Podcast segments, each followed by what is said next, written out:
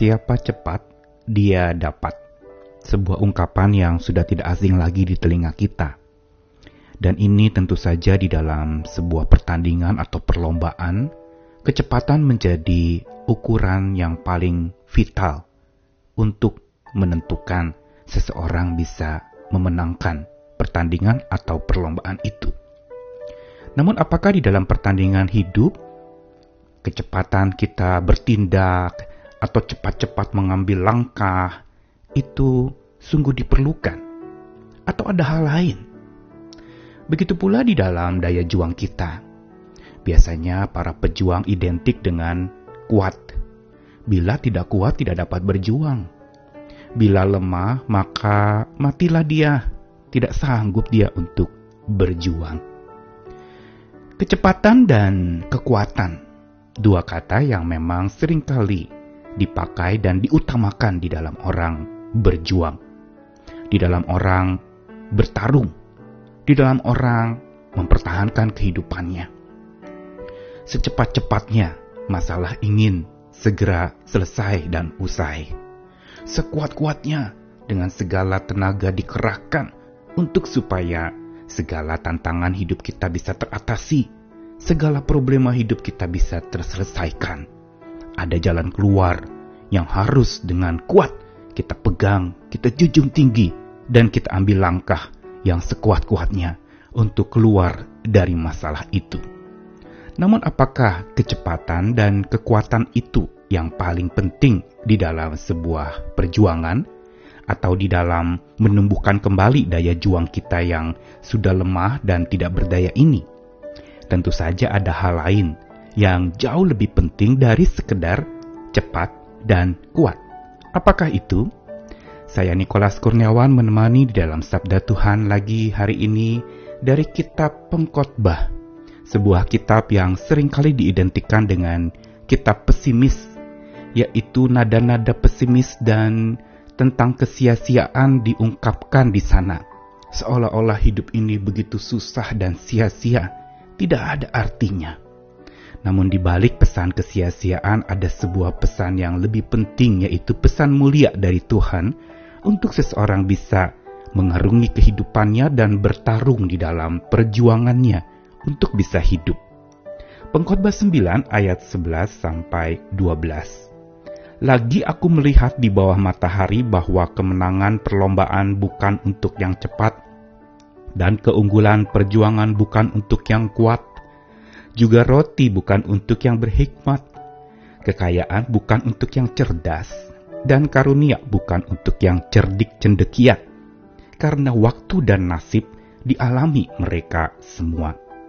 Karena manusia tidak mengetahui waktunya, seperti ikan yang tertangkap dalam jala yang mencelakakan, dan seperti burung yang tertangkap dalam jerat, begitulah anak-anak manusia, terjerat pada waktu yang malang, kalau hal itu menimpa mereka secara tiba-tiba. Pengkhotbah kitab yang penuh dengan kata kesia-siaan dan bernada pesimis sesungguhnya memberitahukan kepada kita untuk melihat hidup secara kritis dalam arti tidak sekenanya dan seenaknya kita menjalani hidup, tapi melihat dengan seksama, melihat dengan jeli dan dalam akan apa yang sesungguhnya dalam realita kehidupan. Bahwa apa yang tampak dan apa yang dihadapi itu tidak sepenuhnya dan seutuhnya harus dijalani dengan kekuatan diri sendiri. Karena ada kekuatan Allah yang lebih memahami akan pekerjaannya untuk mengelola dan menggarap kehidupan manusia. Dan di dalam ayat 11 dari pengkhotbah pasal 9, ada sebuah ungkapan-ungkapan yang menarik di sini. Aku melihat di bawah matahari bahwa kemenangan perlombaan bukan untuk yang cepat. Keunggulan perjuangan bukan untuk yang kuat. Apa makna dua ungkapan ini? Menang lomba bukan untuk yang cepat, unggulnya perjuangan bukan untuk yang kuat. Seolah pengkhotbah ingin menyampaikan sebuah pesan melampaui cepatnya seseorang untuk memenangkan perlombaan dan melampaui kuatnya seseorang untuk unggul di dalam perjuangannya.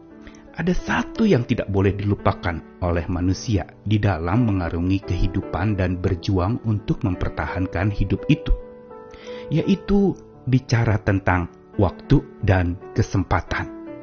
Itu yang diungkapkan di dalam akhir dari ayat yang ke-11, karena waktu dan nasib dialami mereka semua.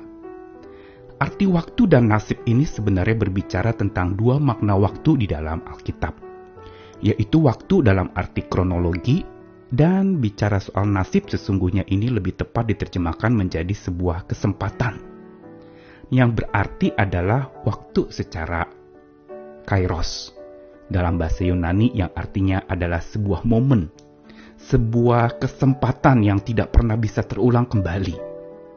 Dua makna waktu inilah yang harusnya dipegang teguh oleh seseorang yang mau berjuang dengan kuat dan tangguh yaitu dia sadar bahwa waktu yang ada dalam hidupnya itu adalah anugerah Tuhan. Waktu itu adalah sesuatu yang tidak bisa kita hentikan seenaknya. Kita tidak bisa berbalik lagi ke waktu yang lalu. Kita juga tidak bisa lalu kemudian loncat ke waktu yang akan datang tanpa menjalani proses di waktu hari-hari ini. Ketika waktu kita lihat sebagai sebuah anugerah dan kesempatan sebagai sebuah berkah dari Tuhan, maka kita akan memahami bahwa daya juang kita itu baru bisa berjalan bila Tuhan masih memberi kesempatan kepada kita. Bukan karena cepatnya kita bertindak atau kuatnya kita melakukan segala sesuatu, tetapi sempat atau tidakkah kita melakukannya. Kesempatan itu adalah pemberian Tuhan Karenanya kalau kita melihat itu sebagai sesuatu yang sangat penting dan kita perlu pegang setiap kesempatan yang ada, jangan sampai terlewatkan begitu saja. Kita akan berjuang dengan lebih benar, dengan lebih cepat tentunya dan lebih kuat. Sehingga yang penting sesungguhnya adalah waktu yang Tuhan berikan. Karena manusia tidak mengetahui waktu hidupnya sendiri. Dia nggak pernah tahu kapan berakhirnya dan gambaran yang diungkapkan dalam ayat 12 dari pengkhotbah 9 adalah seperti ikan yang tertangkap dalam jala yang mencelakakan. Apakah ikan itu pernah bermimpi atau berpikir bahwa dia akan ditangkap oleh jala yang mencelakakan hidupnya?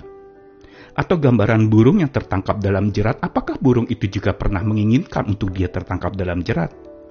Sama juga seperti kita manusia, tidak pernah ingin berhadapan dengan waktu yang malang atau buruk atau waktu yang jahat yang tiba-tiba terjadi menimpa hidup manusia, hidup kita semua. Di sinilah pentingnya untuk kita membutuhkan hikmat Tuhan. Kita sangat butuh hikmat Tuhan di dalam pengaturan waktu kita. Selagi sempat, maka kita perlu sesegera mungkin untuk bertindak. Tentu saja dengan taat kepada Tuhan sumber hikmat itu. Karena yang terpenting di dalam hidup bukan kecepatan bertanding kita, juga bukan kekuatan berjuang kita, tapi kesempatan yang masih disediakan oleh Tuhan, penguasa waktu dan pencipta kesempatan. Karenanya, selagi sempat, marilah kita gunakan kesempatan itu untuk memuliakan nama Tuhan.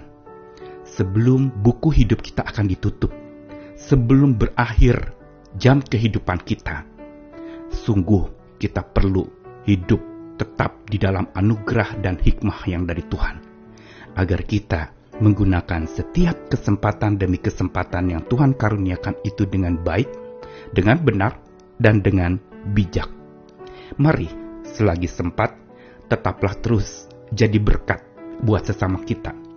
Selagi sempat, hiduplah terus mengandalkan berkat yang dari Tuhan. Dan selagi sempat, marilah kita terus berbagi berkat buat sesama kita. Jadi berkat buat sesama pada saat di mana setiap kesempatan yang ada masih tersedia buat kita. Selamat menjadi berkat. Ayo semangat lagi. Tuhan mengasihi kita. Amin.